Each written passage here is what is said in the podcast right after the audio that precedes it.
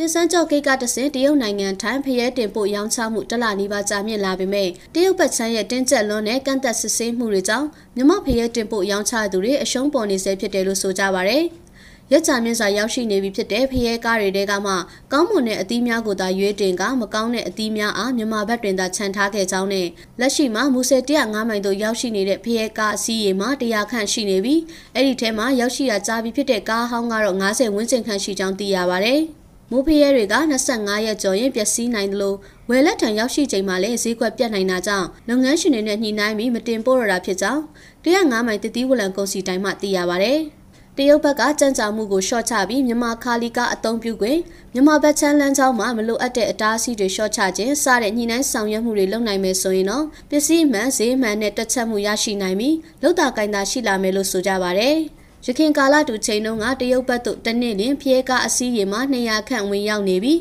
လက်ရှိမှာတရက်လျင်ဖျဲကား15စီးခန့်သာဝင်ရောက်နိုင်တဲ့အတွက်ဈေးကွက်သဘောအရတရုတ်ဘက်ကဖျဲဝယ်လူအားများနေကြောင်းသိရပါဗျ။လက်ရှိပြည်တွင်းမှဖရဲများအားတရုတ်ဘက်သို့အစီး30ခန့်ရောင်းချပြီးဖြစ်ကြောင်းနဲ့ထိုထဲမှာအသီးအရွေသွေးကြောင့်တန်ချိန်နဲ့မဟုတ်ပဲကားစင်းလုံးပြည့်ဖြစ်ရောင်းချမှုများလည်းရှိနေကြောင်းသိရပါဗျ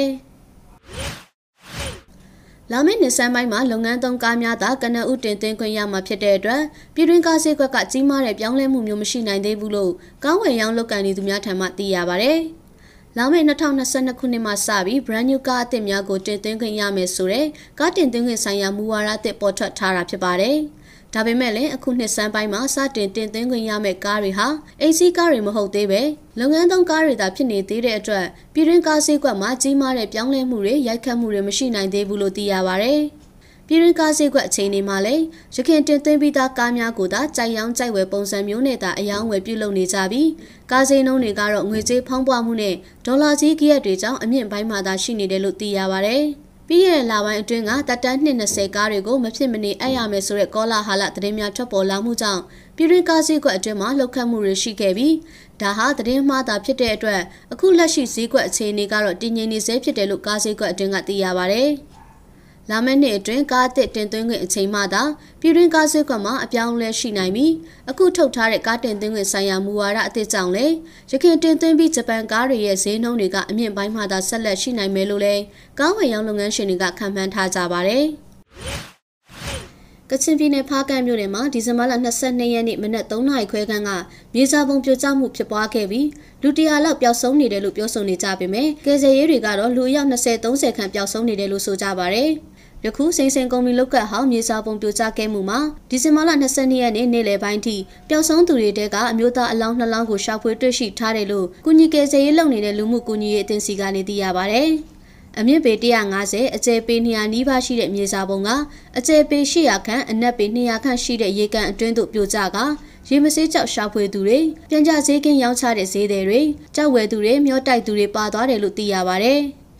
မြေစာပုံပြိုကျမှုဖြစ်ပြီးကလေးကလက်ရှိအချိန်ထိကယ်ဆယ်ရေးလုပ်ငန်းတွေကိုလှုပ်ဆောင်နေကြသလိုတွေ့ရှိတဲ့ရုပ်အလောင်းကိုတော့ဆေးရုံကိုပို့ဆောင်ထားတယ်လို့သိရပါဗျ။ဒီဇင်ဘာလ19ရက်နေ့ကဖြစ်ပွားခဲ့တဲ့ဖားကတ်မြို့မနာမော်ကြောက်စိမ်းလောက်ကကမြေစာပုံပြိုကျမှုမှာပျောက်ဆုံးနေတဲ့ရေမဆေးကြောက်ရှာဖွေသမားတွေကအမျိုးသားရုပ်လောင်း၄လောင်းတွေ့ရှိထားတယ်လို့သိရပါဗျ။ ဖားကတ်မှာကြောက်စင်းတူးပေါ်ခွင့်ကိုပိတ်ထားပေမဲ့လည်းစောင်းဝင်နေရေးအတွက်ဒေတာခန်တွေအပါအဝင်ကြံတိုင်းနယ်ပြည်နယ်ကလာရောက်ပြီးတပိုင်းတနိုင်တူးဖော်တာရှာဖွေတာတွေလှုပ်ဆောင်နေကြတာဖြစ်ပါတယ်။ပြီးခဲ့တဲ့2020ခုနှစ်ကလည်းကချင်ပြည်နယ်ဖားကတ်စိတ်မှုကျေးရွာအုပ်စုဝေကကြောက်စိမ်းမှော်မှာမြေပြိုပြီးရေလိုင်းရိုက်ခတ်မှုကြောင့်ကြောက်ရှာဖွေသူကားသမားအပါအဝင်တေဆုံးသူ160ကျော်ထိရှိခဲ့ပြီးဒဏ်ရာရရှိသူ80ကျော်ရှိခဲ့တာဖြစ်ပါတယ်။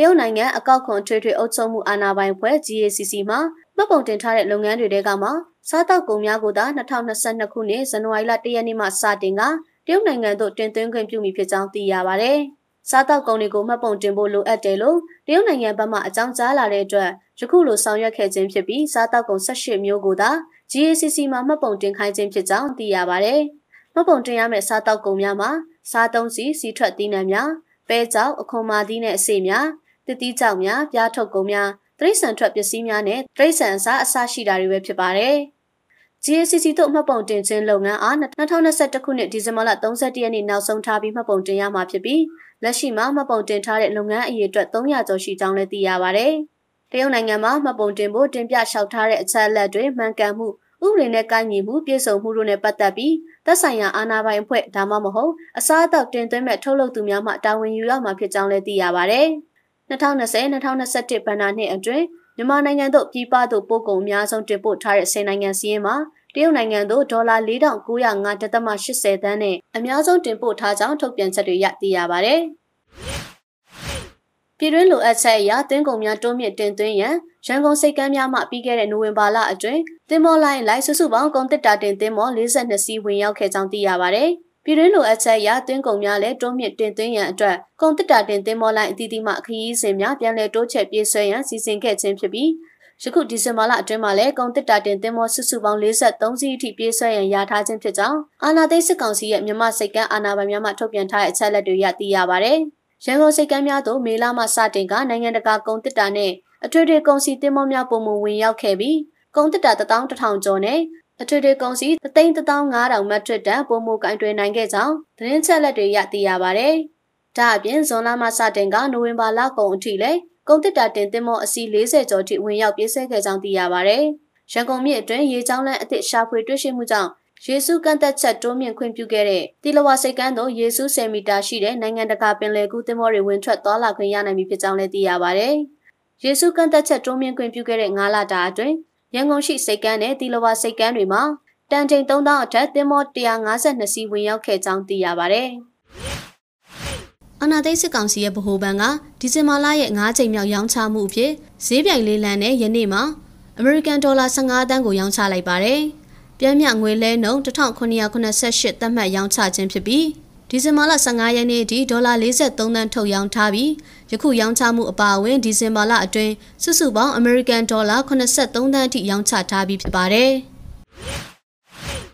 မြန်မာနိုင်ငံကမပဲတန်ချိန်2.5သိန်းနဲ့ပဲစင်းကုန်တန်ချိန်3သိန်းကိုအိန္ဒိယနိုင်ငံသို့တင်ပို့ရောင်းချနိုင်မယ်လို့သိရပါတယ်။မြန်မာနိုင်ငံနဲ့အိန္ဒိယနိုင်ငံကြားမတ်ပဲနဲ့ပဲစင်းငုံကုန်သွယ်မှုပူးပေါင်းဆောင်ရွက်မှုဆိုင်ရာနားလည်မှုစာချုပ်လာအရ2021-2022ဘဏ္ဍာနှစ်ကနေ 2025-2026ဘဏ္ဍာနှစ်အထိအိန္ဒိယနိုင်ငံသို့သတ်မှတ်တန်ချိန်တင်ပို့ရမှာပဲဖြစ်ပါတယ်။အခုလက်ရှိပြည်တွင်းမှာမပဲအဟောင်းကုန်ချိန်ဖြစ်နေပြီးမပဲအသစ်အဖွင့်ဈေးနှုန်းမှာတော့သုံးတင်းဝင်မပဲတအိတ်ကိုတသိန်းခွဲနီးပါးဈေးရနေတဲ့အတွက်ရခိုင်နှစ်ကထက်ဈေးပိုမှုရရှိနေတယ်လို့ဆိုပါတယ်။ဒါပေမဲ့တောင်သူတွေအနေနဲ့မြန်မာငွေကျဆင်းလာတာတွေတွင်းရစုဈေးနှုန်းကြီးမြင့်တာတွေကြောင့်မပဲဈေးနှုန်းမှာဈေးကောင်းရတဲ့အခြေအနေတော့မဟုတ်ဘူးလို့ဆိုကြပါဗျ။နှစ်စဉ်ပြည်တွင်းမပဲထွက်နှုန်းဟာ တန်ချိန်၄သိန်းကျော်ထွက်ရှိတာဖြစ်ပြီးပြီးခဲ့တဲ့ရာသီကဈေးကောင်းရရှိခဲ့တာကြောင့်တောင်သူတွေပုံမစိုက်ပျိုးလာနိုင်တဲ့အတွက်မပဲတန်ချိန်9သိန်းနဲ့9သိန်းနီးပါးထွက်ရှိနိုင်မယ်လို့လည်းခန့်မှန်းထားကြပါတယ်။လက်ရှိမှာအိန္ဒိယနိုင်ငံအနေနဲ့မြန်မာပြည်တွင်းကမပဲလက်ကျန်တင်ပို့မှုကိုရခိုင်ကဒီဇင်ဘာလ31ရက်နေ့အထိသတ်မှတ်ထားခဲ့ရာကနေအခုခါမှာတော့2022ခုနှစ်မတ်လအထိတင်ပို့ခွင့်ထပ်တိုးထားတယ်လို့လည်းသိရပါဗျ။ ရခိုင်ပြည်နယ်ပုံနာကျွန်းမြို့နယ်အတွင်းရှိကလာချောင်းကျေးရွာမှာဝက်တွေယောဂဖြစ်ပွားလျက်ရှိပြီးတပတ်အတွင်းကိုအကောင်ရ200နီးပါးသေဆုံးခဲ့တယ်လို့သိရပါဗျ။ဒီဇင်ဘာလ23ရက်နေ့ကစပြီးဝက်တွေသေဆုံးလျက်ရှိရာဒီဇင်ဘာလ20ရက်နေ့အထိဝက်အကောင်ရေ200နီးပါးသေဆုံးခဲ့တာဖြစ်ပါတယ်။ဝက်တွေသေဆုံးရခြင်းနဲ့ပတ်သက်လို့ဖြစ်ပွားတဲ့ယောဂကိုမသိရှိရသေးပဲအခုလိုအကောင်ရည်များကြီးသေဆုံးခဲ့တာကြောင့်ရွာသူရွာသားတွေအနေနဲ့ဆုံးရှုံးမှုတွေများခဲ့တယ်လို့လည်းသိရပါတယ်။ ဝက်တွေသေဆုံးရခြင်းနဲ့ပတ်သက်လို့ဖြစ်ပွားတဲ့ယောဂကိုမသိရှိရသေးပဲအိမ်တိုင်းနီးပါဝက်မွေးမြူရေးလုပ်ငန်းကိုလုပ်ကင်ကြတာဖြစ်တဲ့အတွက်အခုလိုအကောင်ရည်များပြသေဆုံးခဲ့တာကြောင့်ရွာသူရွာသားတွေအနေနဲ့ဆုံးရှုံးမှုတွေများခဲ့တယ်လို့လည်းဆိုပါတယ်။လက်ရှိမှာဝက်တွေသေဆုံးမှုများနေသလိုနာမကျန်းဖြစ်နေသေးတဲ့ဝက်တွေလည်းရှိနေသေးတယ်လို့ဆိုပါတယ်။လက်ရှိအချိန်မှာဝက်တကောင်ကိုရှစ်သိန်းခန့်တန်ကျေးရှိနေတာကြောင့်တေဆုံးခဲ့တဲ့ဝက်အရေအတွက်နဲ့ဆိုရင်ရွာသူရွာသားတွေအနေနဲ့ဆုံးရှုံးမှုစုစုပေါင်း3900နီးပါးရှိနေပြီလို့လည်းဆိုပါတယ်။ လက်ရှိမှာဝက်တွေတေဆုံးရခြင်းနဲ့ပတ်သက်လို့တခွဲစစ်ဆေးမှုတွေပြုလုပ်ဆောင်ရွက်နေတယ်လို့သိရပါတယ်။